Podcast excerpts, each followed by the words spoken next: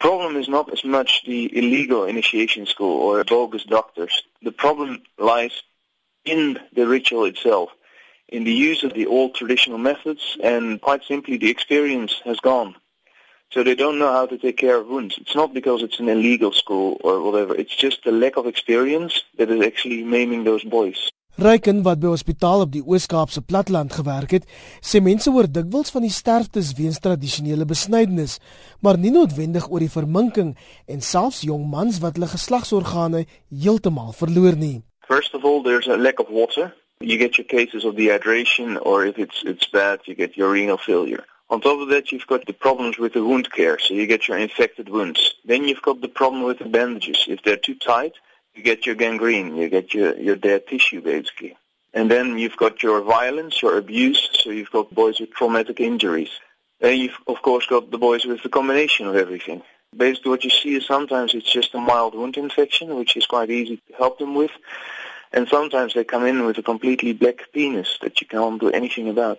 Die probleem sê hy is nie so seer die kulturele seremonie nie, maar eerder die gepaardgaande geweld. I think is a beautiful ritual if you perform it well. It's a beautiful stage for those boys in which you can teach them a lot about the responsibilities of manhood. This is what the ritual was original about. It was all about teaching the boys how to behave as a man. And especially in the Eastern Cape, I mean, we saw so many issues in our hospital around sexual violence, domestic violence, theft, and all those things you could address during this time. And you could tell the boys not to to smoke marijuana. You could tell them not to use drugs, not to beat up women, uh, all these things. And it's, it's a very crucial point in the life of a boy. But instead of all those things, they beat them up. They make them suffer because you have to be worthy to be a man. It's all about suffering, uh, endurance. There's nothing about teaching anymore.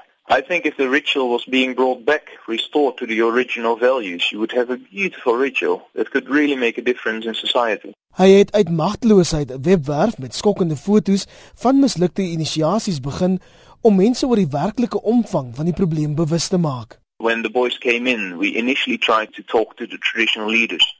So I joined with a former traditional nurse, and together we worked to address the issues, and we we talked to traditional leaders. Then we started talking to the district medical team. Uh, we tried to talk to the province. We even sent stuff up to a national level, and basically nothing happened, nothing changed. And every single season, you would hear the same promises. You would hear the same, "Ah, oh, we're going to do this, and we're going to do this, and we're going to take so many cars." And it was the same every time, and every time we would see the same issues coming through. At that stage, we already had a group of boys. They really wanted the ritual to be changed because, of course, they saw that what happened to them was still happening to others. And then we discussed it amongst each other. So first, of course, we talked to the press.